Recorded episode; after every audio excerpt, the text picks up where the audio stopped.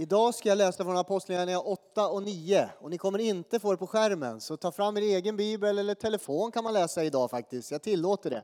Nej då, det får ni. Jag tillåter det alltid, men, men i alla fall. Eh, därför att jag ska läsa ifrån reformationsbibeln. Det är en annan översättning och där finns det vissa inslag i texten som inte finns i era bibelöversättningar och därför så, så eh, är det ingen idé att jag lägger upp det här för då blir det olika text. Eh, jag kommer inte läsa än, jag bara förbereder på att det är det som är texten idag. Eh, det handlar om eh, Paulus, Saulus, som blir Paulus och hans möte med Jesus. Och det här har ni hört massor med gånger. Och då tänker ni så här, vad kan jag säga idag som ska liksom, ah, kan det komma något nytt i den där texten? Den har vi hört så många gånger. Men det kan det göra. Jag har noterat nya saker, där, därav också en annan översättning här. Så, så får vi se. Det handlar i alla fall om ett förvandlat liv. Det går inte att leva ett kristet liv utan att bli förvandlad. Jag måste faktiskt mena det. Det är faktiskt min stora nöd. När jag predikar och predikar och predikar och så önskar man ju, hoppas människor ändå på något sätt, när de möter Jesus i ordet, får uppleva förvandling i sitt inre. Det är så viktigt. En ny vandring med Jesus, en ny livsstil får man när man tar emot honom. Funkar det bra? Ekar. Okej. Ehm, I varje fall, vi ber en bön först och så tackar vi Jesus. Tack Herre för att vi ehm, har fått hört så mycket gott som du gör. Du har fört Ram hit och hans hustru hit och du har, eh, vi har fått välkomna nya medlemmar, vi har fått lyssna på barnen. Vi är så tacksamma för allt du gör i vår församling. Och nu ber vi för det här ordet, tala in i våra liv så att vi upplever faktiskt den här inre förvandlingen, att vi blir mer lika dig Jesus när vi vandrar och läser eh, ditt ord, när vi vandrar med dig Herre. I Jesu namn. Amen. Jag eh, eh, lovade kamerapersonen att jag skulle stå mest här, men jag vill stå här just nu. Eh, och så hoppar jag dit sen. I varje fall så är det så här, har du haft en Damaskusupplevelse? Det är min fråga. Och då undrar du, vad är det? Vad betyder det? Jag ska förklara det. Men har du haft en sån här eh, starkt möte med Jesus?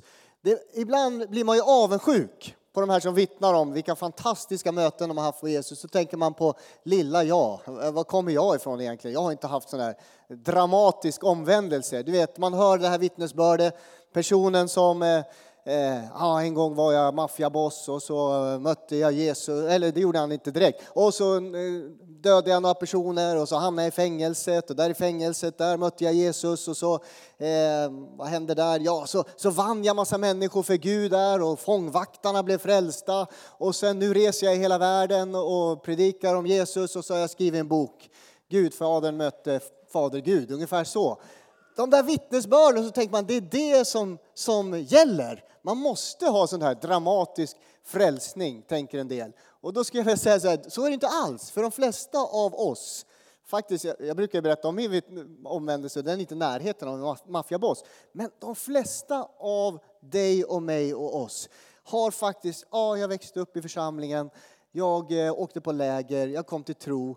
Och på min lista av dåliga saker är att jag typ har plockat eh, tulpaner i grannens rabatt, jag har hyvlat pappas utemöbler, jag har bråkat med katten. Men sen blev jag frälst och så är det liksom det som är omvändelsen. Och så tycker man, det är ju ingenting att berätta, eller hur? Sådana futtiga saker som jag har gjort och så blir jag frälst. Men jag skulle vilja säga så här, kom ihåg att ditt vittnesbörd är unikt att din förvandling är unik. Att du har mött Jesus och vandrat med honom år efter år efter år och det håller. Det är unikt. Det tål att berättas för människor ute i Alunda i Sverige att du har mött Jesus idag, 2023, och följer honom. Det är unikt. Det är så viktigt att du förstår. Du behöver inte eh, drabbas av detta ljussken starka som Paulus, vi ska läsa om det.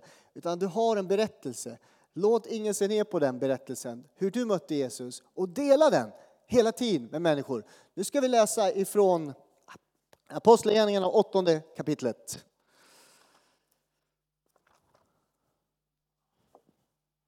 Och här står det om Paulus. Och vi ska gå igenom Paulus liv lite grann. Och jag tänker att eh, i texten så heter han ju Saulus, eh, i det jag läser i varje fall. I vissa texter heter han Saul. Och sen byter han namn till Paulus och så undrar du varför gör han det?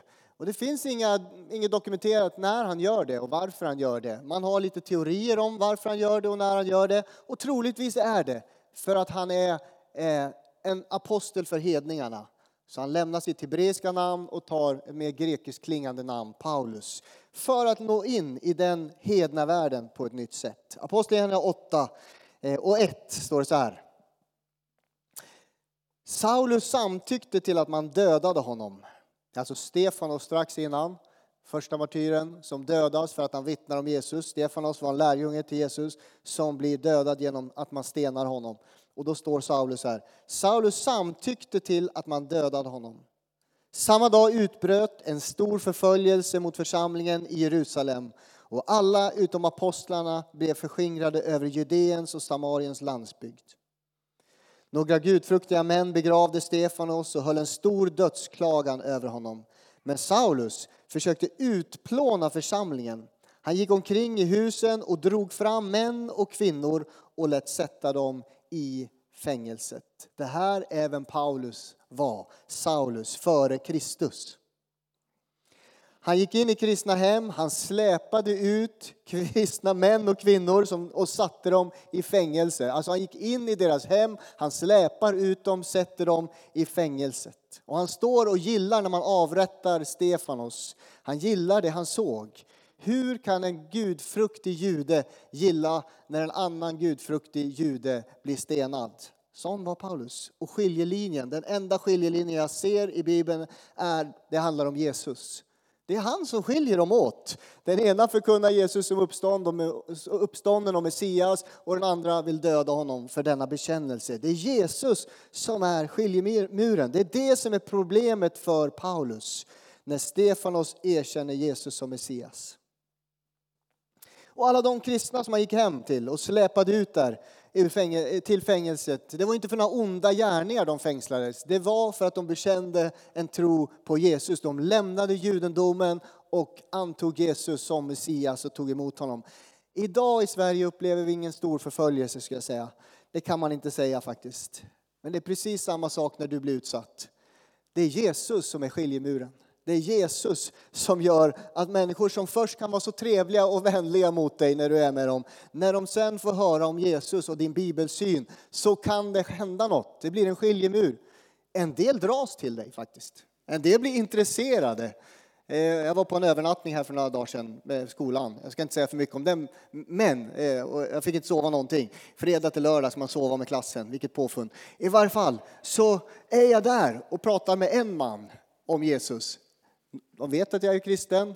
Barnen kommer ihåg att jag hade hälsat på dem. Så de eh, var, ja ah, det är du, pastorn från kyrkan. Barnen var jätteglada. Och sen den här mannen, han, när han får höra att jag är pastor så pratar vi om Jesus. Några andra vill inte prata med mig alls. Det är så det sker. När man berättar om Jesus i ett rum så är det som att ibland så bara sugs luften ur det rummet. Oh, här orkar vi inte vara, vi går. Medan andra dras till dig. Skiljemuren är på något sätt Jesus. Och jag vill att du ändå ska vara frimodig och vara beredd på det. För det är typ den enda förföljelse vi får uppleva. Okej, okay, de gillar inte dig lika mycket längre. Det är okej. Okay. Berätta om Jesus. Jag skulle säga så här. Ingen förföljelse i Sverige, men det är en ökad fientlighet gentemot kristna. Kristen tro och att vi ser världen utifrån ett bibliskt perspektiv. Det skapar en ökad fientlighet. Var beredd på det. Paulus, han släpar dem till fängelset. Men det var före Kristus. Vi går till kapitel 9. Och så läser vi vers 1-9 där. Här ska jag ägna mer tid i det här kapitlet. Men Saulus, som fortfarande andades hot och mordlust mot Herrens lärjungar, gick till översteprästen och bad honom om brev till synagogorna i Damaskus så att om han fann några som var på den vägen, män eller kvinnor, skulle han kunna föra dem bundna till Jerusalem. Men han, var på, eh, men han var på vägen och närmade sig Damaskus hände det sig att ett ljussken från himlen plötsligt kringstrålade honom och han föll ner till jorden och hörde en röst som sa Saul, Saul, varför förföljer du mig? Då sa han, vem är du, Herre? Herren svarade, jag är Jesus den du förföljer. Och så kommer de här raderna som ni inte har i era bibel, eh, bibelböcker och jag, eller era bibelöversättningar och jag ska förklara varför senare. Eh, det är svårt för dig att spjärna emot udden. Skälvande och med förvåning sa han, Herre, vad vill du att jag ska göra? Herren sa till honom, stå upp och gå in i staden så ska det bli sagt till dig vad du ska göra. De män som var i sällskap med honom stod mållösa De hörde väl rösten men såg ingen. Då reste sig Saulus upp från jorden och då han öppnade sina ögon såg han ingen. Utom de, utom de tog honom vid handen och ledde honom till Damaskus. Han var där i tre dagar utan att se och han varken åt eller drack. Jag ska läsa vidare lite senare, vi börjar här. När vi var i Israel för ett tag sedan så, så hade vi guider. Vi hade en kille som hette Stefan och så hade vi den andra guiden. Vad hette han? Jag kommer inte ihåg när jag höll på. Peter. Ja, så enkelt var det. Bra. Stefan och Peter hade vi. I varje fall, Peter var ju jude. Och svensk jude som har flyttat till eh, Israel, flyttat, liksom vänt hem till Israel. Och Stefan var ju en FN-soldat som hade hamnat där. En svensk från Västerås, varken med judisk Eh, bakgrund utan hade blivit isra israelisk medborgare på senare år. Och han jobbade där fortfarande i armén. I varje fall Peter, jag pratar ju ofta med honom om Jesus. Jag var ju en av dem som tog hand om resan, så han satt ju bredvid mig hela tiden. Och jag försöker, precis som alla andra kristna säger han, försöker man ju få honom att säga, eh, vad betyder Jesus för dig? Vem är Jesus för dig? Det är liksom det man vill höra, hur en jude kan berätta om Jesus. Och han liksom var ärlig och sa, bara, ja, han kanske, var, han kanske har funnits, han kanske var en bra lärare, han kanske gjorde under, men för mig betyder han ingenting. Det var liksom hans svar. Han var ganska neutral när vi pratade om detta. Nej, han är ingen för mig. Och så kommer vi in på något annat, så börjar vi prata om messianska judar. Då vart det känsligt för Peter. Detta vill han inte prata om så mycket. Alltså judar som vänder sig och bekänner, idag bekänner Jesus Kristus som Messias. Han hade så svårt för detta. Skiljelinjen på nytt blev att man bekänner Jesus som Messias. Det gick jättebra fram till samtalen om detta. Det var jättejobbigt för honom. Och det är precis samma sak jag ser i texten för Paulus. Alltså först är han en som jagar de kristna. Han var hängiven den judiska läran och nu vill han jaga de som har övergivit den judiska läran för Kristus. Det är ett svek som är jobbigt för Paulus. Skiljelinjen är Jesus. Paulus, han vänder om till Jesus när han möter honom och som vi läser, eh, det är ett livsförvandlande möte med Jesus Kristus faktiskt. Jesus tar en judisk man som är ivrig att leva efter lagen. Han förvandlar hans hjärta, han förvandlar hans liv. Eh, så han kunde förstå nåden, vad det innebär att ha en personlig relation med Jesus. Och det är precis det Jesus gör med oss. Han tar oss, han accepterar oss precis som vi är, han förvandlar oss i den heliga Andes kraft och så gör han oss till nya skapelser i Kristus. Alltså vi vet att eh, Paulus var jude, han var från Benjamins stam, han var troligtvis medlem i det judiska rådet. Hur kan vi veta det? Därför att i kapitel 23 i Apostlagärningarna så står han inför det judiska rådet och så kallar han dem bröder. Det skulle han inte ha gjort om han inte hade varit en del av detta judiska råd, eh, de som bestämde i Jerusalem. Så han kallar dem bröder, han kommer alltså på samma nivå, han sätter sig likställd med dem. Han tillhör den fariseiska inriktningen inom judendom. Han var en stolt man som höll lagen, han var en stjärna skulle jag säga, i judiskt, religiöst och politiskt ledarskap. Och så röstar han, han är med där och röstar för att stena Stefanos. Och så börjar han bli känslomässigt engagerad i att förfölja kristna. Det är det som sker. Han står där, han gillar det och så känns det massa saker i hans hjärta. Jag måste jaga de här kristna. Det är jobbigt för Paulus. För han tänker så här, det enda sättet att stå i rätt relation med Gud är genom offer och hålla buden i lagen. Det är så man lever i rätt relation. Och så kommer en man och säger, jag har inte kommit för att upphäva lagen utan för att uppfylla lagen. Och vägen att få en rätt relation med Gud är att ta emot Jesus Kristus och hans offer på korset och få min synd eh, förlåten. Och då står det i Bibeln, det, det skriver Paulus sen, ska Guds lag ingjutas eller utgjutas in i era hjärtan genom den heliga Ande, ska ni bära lagen i framtiden. Det verkar för enkelt, bara ta emot mannen på korset. Ska jag bara sätta min tro till en kille som dog på ett kors? Vad blir det med alla andra bud då? Kanske ni också har tänkt. Ska vi följa buden? Ska vi följa lagen? Hur ska vi göra? Gud har inte tagit bort lagen. Han förväntar sig att du ska hålla lagens bud. Men det är inte så vi blir rättfärdiggjorda. Det är skillnaden. Det judiska folket blev rättfärdiggjorda, rätt relation med Gud genom att följa lagen. Det är inte så vi blir rättfärdiggjorda, men vi förväntas följa lagen. Paulus säger i Galaterbrevet att lagen blev satt för Israels folk som en övervakare fram till Kristus. Alltså lagen skulle leda folket, hur de skulle leva i, i relation med Gud fram till Kristus. Jag vet, det är teologi det här, men häng med. Eh, för det här är viktigt. Hur då? För om du och jag försöker leva efter budorden och märker att du inte klarar det, eh, för det gör vi ju inte när vi försöker leva efter lagens bud, då är det fantastiskt att det finns en frälsare som kan rädda oss. Jag klarar inte att leva upp till lagens bud, men de är inte borta för det. Men när jag tar emot Jesus så vill jag leva efter lagens bud, därför att mitt liv ska ära Gud. Jag klarar inte att leva upp till det, därför behöver jag en frälsare. När jag tar emot frälsaren så vill jag leva efter buden, för jag vill ära Gud med mitt liv. Det låter kanske för lätt. Vad ska jag göra? Säger, säger Paulus i texten. Vad ska jag göra? Vad läste jag? Står det så i er bibel?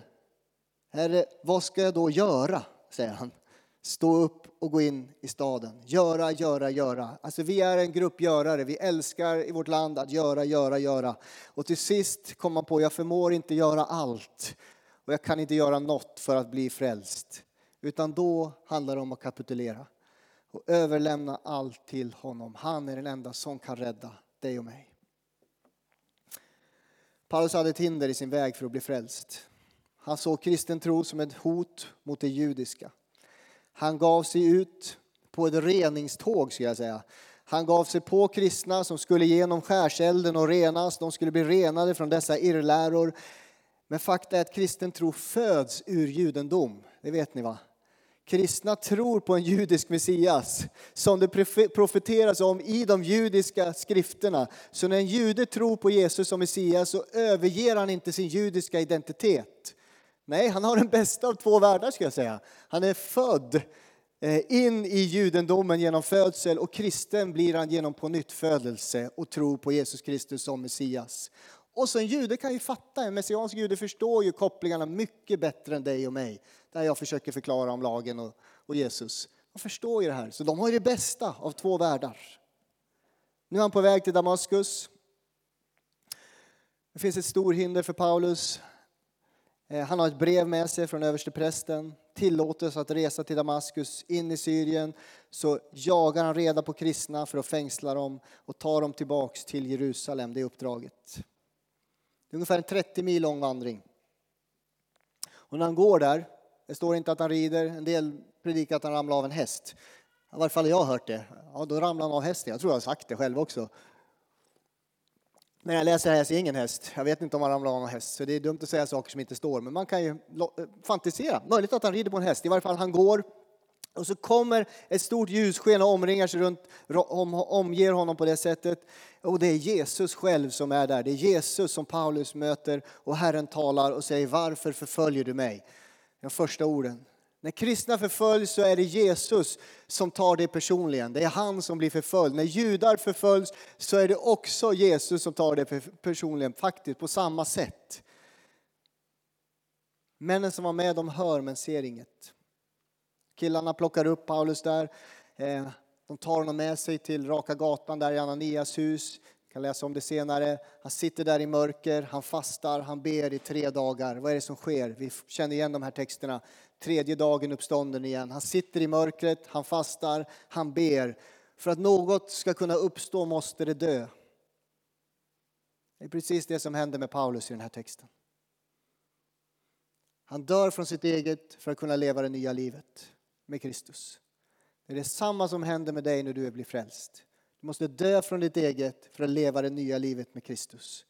Du kan inte, och jag ser det hända, och jag gör det säkert själv, jag kan plocka med liksom, jag ser att jag har Jesus och följer honom, men jag plockar med Jesus och lever som på som vanligt. Det fungerar inte kristen tro om man vill se ett förvandlat liv. Okej, okay, jag följer Jesus, men du får hänga med mig på mitt liv. Jag lever på som vanligt.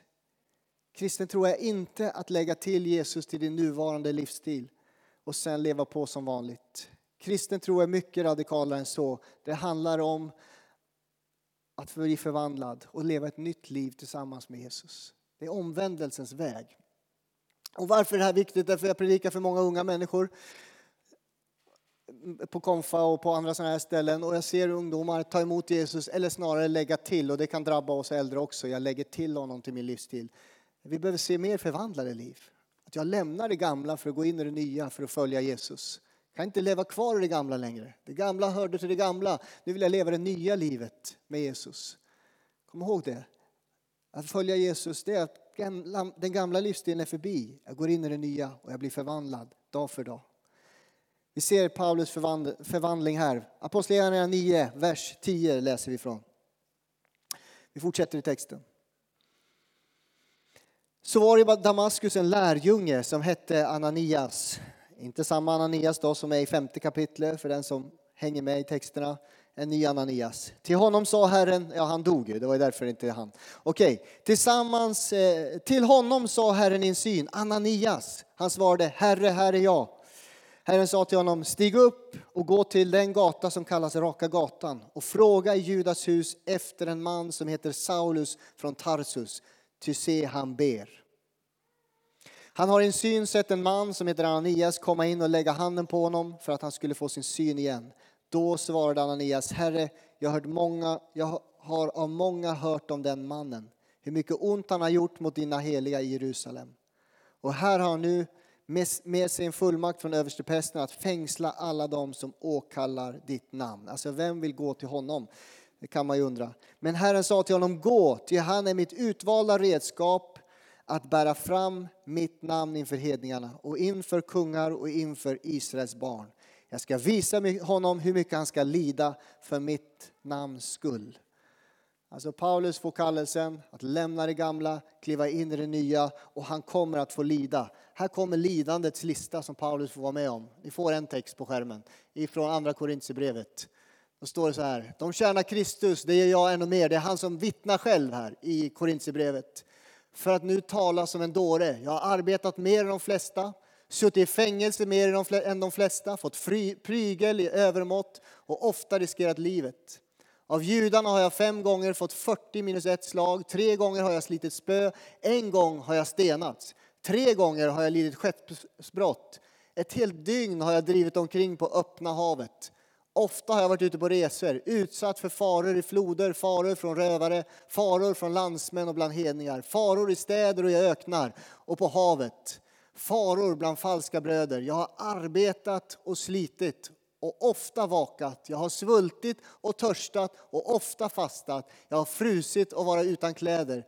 Till allt annat kommer det som trycker mig varje dag, mina bekymmer för församlingarna. Alltså Gud talar över hans liv. Du ska bli ett redskap Paulus, men du kommer få lida för min skull. Och det fick han. Och så fortsätter texten i Apostlagärningarna 9 och 17.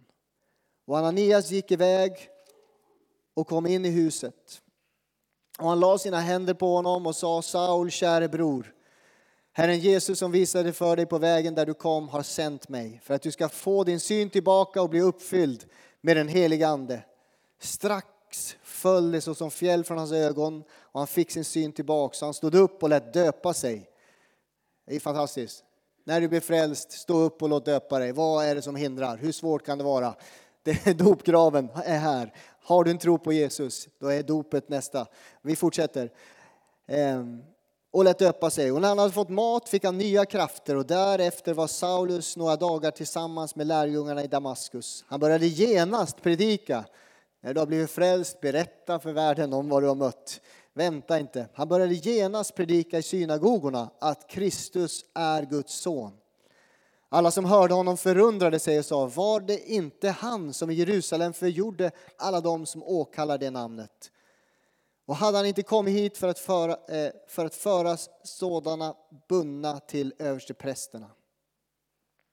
Men Saulus uppträdde med allt större kraft och förbryllade de judar som bodde i Damaskus när han bevisade att Jesus var Kristus förundras ju lite över den här mannen, men han är en förvandlad man. Det är det vi ser i texten. Vad har hänt? En man som jagade Krista blir nu Jesu Kristi lärjunge. Han talar i Damaskus, han bevisar att Jesus var Kristus. Jesus hade jobbat med honom en tid, kan man förstå. Jesus hade sökt honom en tid, precis som han sökte dig innan du blev frälst. Och hur vet jag det? Att Jesus har varit på honom en längre tid. Ja, det är tillbaks till vers 5 och de här orden som jag vill att ni skulle se idag i min slut, jag ska dra de här orden och försöka få er att notera någonting i de orden. Vers 5, där står det så här. Det är svårt för dig att spjärna emot udden. Och så undrar man, vad betyder det? Jag fattar ingenting. Eh, och då finns det ju andra böcker, kommentarsböcker, som man kan ta reda på. Vad är det som menas? Varför är detta inte med i era översättningar? Varför är det med i reformationsbibeln? När man översätter biblar så har man den här principen att en del vill gå tillbaka till de tidigaste skrifterna och översätta. En del väljer att ta mängd skrift.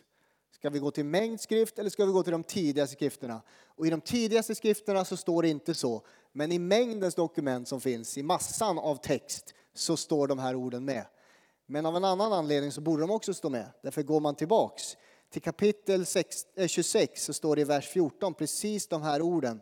Det, det var när han vittnar själv om sin upplevelse i kapitel 26. Och då finns de med i de tidigaste skrifterna. Och där står det, det är svårt för dig att spjärna emot udden. Jag ska förklara bilden. För det är min poäng i den här predikan. Vi har hört om Paulus, vi har hört om hans förvandlade liv. Men här är poängen till dig och mig idag. Det är svårt för dig att spjärna emot udden. Bilden syftar på ett dragdjur som plöjer åkern och som ibland sparkar bakut därför att det går en bonde där och driver på. Och i handen så har bonden som ett spjut med en udd av metall, en spets som han går där och med den använder han för att liksom göra rent plogen som plöjer. Och på något sätt så går han där och vill inte oxen gå så petar han den här i rumpan. Och då kanske oxen sparkar bakut och ju mer han sparkar bakut ju ondare gör det. Det hjälper ju inte att sparka bakut när man står där med den där udden och sticker. Och ju mer han sparkar bakut ju mer gör det ont. Jesus använder den bilden för att utmana Paulus säga. Du har sparkat emot mig länge nog nu. Paulus har sparkat emot Kristus länge nu. Varför förföljer du mig? Ni kommer ihåg orden. Han har gått in och dragit alla kristna och ställt dem inför rätta eh, och satt dem i fängelse. Varför har du varit emot mig så länge nu? Det har skadat dig mer och mer, Paulus. Är det inte tid att kapitulera? Säger han i texten. Det här handlar om dig och mig också. En del av er kanske inte ens har tagit emot Jesus än. Du har stått emot länge nog nu. Och jag frågar dig, är det inte tid att sluta stå emot Kristus och kapitulera? Böja dig för Jesus en gång för alla och bekänna honom som Herre och bli frälst. Du har följt Jesus i ditt liv länge. Men av någon anledning så har du börjat stå emot hans tilltal, hans ord när han talar in i ditt liv. Du har sparkat emot honom och det skadar dig mer faktiskt än Kristus. Du har gjort dig själv illa. Varför stå emot när man kan söka honom på nytt och kapitulera inför hans nåd och godhet? Är det tid att kapitulera? Är det tid att böja sig för Jesus? Jag kan säga att det finns goda nyheter för dig, därför att om du vägrar böja dig så är Gud ändå trofast och fortsätter söka dig och vill att du ska omvända dig. Alltså jag blev kallad, sökt många gånger innan jag böjde mig för Jesus. Jag var redan här när jag konfade mig med Lasse faktiskt. 14-15 år gammal så var det så tydligt att jag behövde bli frälst. Men jag sa nej tack. Det var så tydligt. Ett års tid så var Gud på mig under hela konfaperioden. Jag låtsades som att man inte lyssnar, men man lyssnar. Man hör och man förstår att jag behöver Jesus. Men jag tackade nej. Det dröjer flera år till och så fem år senare så kunde jag inte säga nej längre. Jag tänker att någonstans, man står emot, man spjärnar emot, man sparkar. Och vem är det som skadas? Det var ju jag som for illa under de där åren, fem åren. Det var fem väldigt jobbiga år i mitt liv under gymnasietiden. Mycket mörker, mycket trasighet, mycket destruktivt. Tänk om jag hade sagt ja där när jag var 14 istället. Sluppit allt det där. Varför spjärnar du emot? Böj dig för mig, säger Jesus till Paulus. Sparka inte bakut. Det gör dig själv illa, du tar skada. Det står i Bibeln att Jesus dröjer för han vill att alla ska få tid att omvända sig och komma till insikt om sanningen och bli räddade. Han är tålmodig med oss. Han dröjer, han väntar, han söker dig. Någonstans, när du omvänder dig så får du ett nytt förvandlat liv. Precis som han förvandlar Paulus. Sluta spjärna emot. Du kommer att skada dig själv. Jag tror att det är en tid att verkligen böja sig för Jesus, underordna sig Jesus Kristus. Jag, ledarskapet, församlingen. Jag har hört det så, såklart flera gånger, men jag tror att det är ännu större vikt just nu. Inte gå vår egen väg och ha Jesus med oss bara, utan böja oss inför Jesus.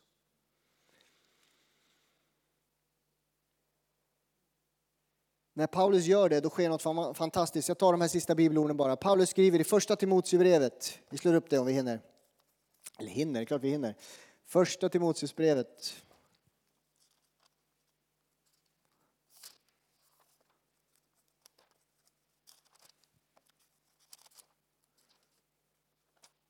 Första Timoteusbrevet 1, 13-14. Här vittnar han igen. Han vittnar hela tiden om vad som har hänt i sina brev och skrifter. Mig som tidigare var en hädare och en förföljare och en våldsverkare. Men jag fick barmhärtighet eftersom att jag hade gjort det ovetande i otro. Men vår Herres nåd har dess mer överflödat med tron och kärleken som är i Kristus Jesus. Alltså han spjärnar emot, han sparkar emot i åratal. Men Gud fortsätter söka honom. Och till sist uppenbarar sig Jesus i ett starkt ljussken där på vägen och det förvandlar hans liv. Och nu är han beredd att resa var som helst, var som helst till synagoger, till palats för att vittna om den Jesus som han har mött. Från fängelse till palats och fortsätter hela tiden. Och så skriver han strax innan han dör, eller strax innan, det är liksom det sista Paulus skriver. Och det finns olika teorier om var han hamnar. En del tror att han reser till Spanien, andra tror att han faktiskt dödade under dödades under kejsaren Neros eh, blodtörstiga tid. Men han skriver i andra Timoteus så här, 4 och 6. Tiden för mitt uppbrott är inne. Jag har kämpat den goda kampen, jag har fullbordat loppet, jag har bevarat tron. Det är det sista han säger. Nu ligger rättfärdighetens segerkrans i förvar åt mig. Den som Herren, den rättfärdige domaren på den dagen och inte bara åt mig utan åt alla som älskar hans återkomst har. Liksom. Och det gäller även dig. Jag säger Gud förvandlar fortfarande liv idag. Förra veckan så var jag i Vinnersjö och predikade och träffade en man. Han vittnade om flera av hans vänner. Rörmokare och snickare. Helt vanliga Svensson det också, om vi tar den bilden. Hade blivit frälsta där borta i Östervåla, Tärnsjö, Vinnersjöområdet. Helt vanliga killar som läser Bibeln idag blir frälsta och nu samlas de till bön varje vecka och vittnar eh, om denne Jesus som de har mött. Förvandlade liv. Jag vill säga det här för att uppmuntra oss. Du har någonting. Din berättelse räcker. Du behöver inte falla av någon häst som man inte gjorde eh, på grund av det här ljusskenet. Alltså du har mött Jesus. Börja vittna om det. Tala om Jesus. En del kommer att vända sig emot dig. Andra kommer att dras till dig. För det finns så många människor som faktiskt i Sverige idag längtar efter att höra om livet med Jesus. Det förvandlade kraft som finns i den här mannen på korset. Har du inte tagit emot Jesus, så gör det idag. Säg ditt ja till Jesus. Han är bara en bön bort. Du kan bekänna honom som Herre i ditt liv och bli frälst just i denna stund idag. Vill du ha hjälp med det så kan du gå fram till korset här. Här finns det förebedjare. Då kan någon be med dig här framme. Eller till första bänk. Kommer Gunnar och Eva så kan man be tillsammans med dig där. Har du spjärnat emot länge nog och behöver på nytt liksom underordna dig, böja dig inför Jesus Böj dig vid korset en stund i avslutningen på den här gudstjänsten och ta emot Jesus igen. Han älskar dig, han älskar dig. Kom ihåg det. Nu ber vi tillsammans. Tack Jesus. Tack för ditt ord Herre. Tack för Paulus liv, förvandlade liv. Tack för hans resa från en förföljare av dig Jesus till en som vittnar om dig. Det, låt det bli vår berättelse också Herre. Att när vi möter dig Jesus kan vi inte vara tysta med det vi har sett och hört Herre. Herre, vi vill, vi vill verkligen bli redskap i din hand i den här tiden. Det är det vi önskar. Jag önskar verkligen berätta om hur god du är, hur nådefull du är. Herre, sänd oss ut med evangelium. Det goda evangelium som befriar och upprättar och räddar människor, Jesus. Tack för de vittnesbörd vi hör om vad som händer i vårt land. Att människor vaknar upp, tar till sig ditt ord, läser det och möter dig, Jesus. Jag ber att vi inte tar det här för givet eller att det får liksom, stelna i våra liv, utan väck oss på nytt att gå ut, Herre Jesus. Jag ber om det, Herre. Jag ber Herre att du inte ska bli en sidosyssla i våra liv, att du ska bli våra liv, Herre. Du är, våra, du är vårt liv, Herre. Det är dig vi lever för, Jesus. Vi vill inte lägga till dig i allt annat vi håller på med. Vi har så många järn i elden, men vi vill ha mer av din närvaro, Jesus. Mer av din närvaro, Jesus. Hjälp oss stilla oss och få del av din närvaro, Kristus. Mer av dig helige Ande i vårt vardagsliv, i vårt yrkesliv, i vårt familjeliv Herre. Mer av din närvaro. Det är min bön Herre. Jesus, när vi samlas till bön, när vi samlas till gudstjänst. Låt oss inte fundera på vilka som är här eller inte här, utan om du är här Jesus. Vi vill ha dig Herre. Det är det vi vill ha. Vi som är här, vi vill ha dig Jesus. Jag vill inte sparka emot dig, utan vi vill springa till dig Herre Kristus. Tack Herre. Tack Jesus. Tack att du är här Herre. Amen.